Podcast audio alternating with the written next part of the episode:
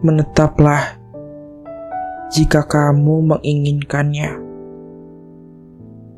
Gemuruh suara angin membuat hati ini kian cemas. Sudah tidak baik untuk dilanjutkan. Istirahatlah sejenak. Tak usah terburu-buru di dalam mencari.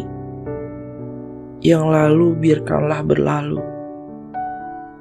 Kira-kira begitulah isi kepalaku akhir-akhir ini. Selalu terbayang tentangnya. Selama ini, aku dan dia seperti dua orang asing yang saling mengenal satu sama lain. Kami kembali menjadi asing, pura-pura untuk tidak saling mengenal, tak saling menyapa, dan tak saling bertatap muka. Kami berdua sama-sama tahu hubungan indah seperti yang kemarin tak perlu berakhir seperti ini. Sejujurnya, aku sangat amat merindu. Mungkin dia juga merasakan yang sama, atau hanya aku saja yang terlalu banyak menyimpan harap. Jika suatu saat aku diberi kesempatan untuk berbicara kembali.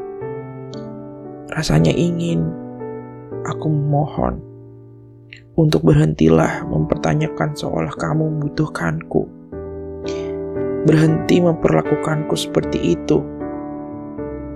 Karena aku tahu kamu tidak pernah menginginkanku ada di hidupmu. Dan aku tahu itu.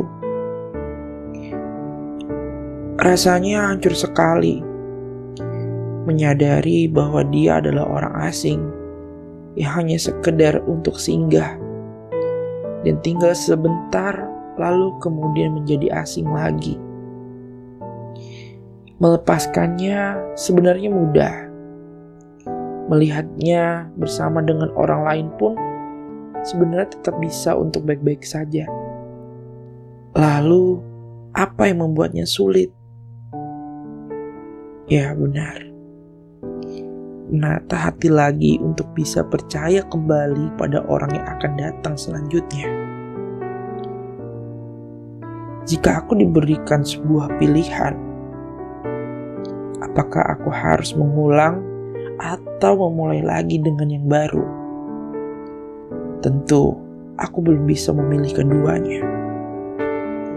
Karena aku ingin menyembuhkan luka ini terlebih dahulu sebelum akhirnya harus memilih. Aku pernah setia, pernah percaya, pernah mengizinkan, pernah mencoba untuk tidak curiga.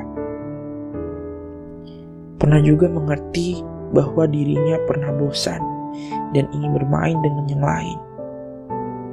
Namun, brengseknya Hal itulah yang ia pilih untuk menyingkirkanku secara perlahan di hidupnya.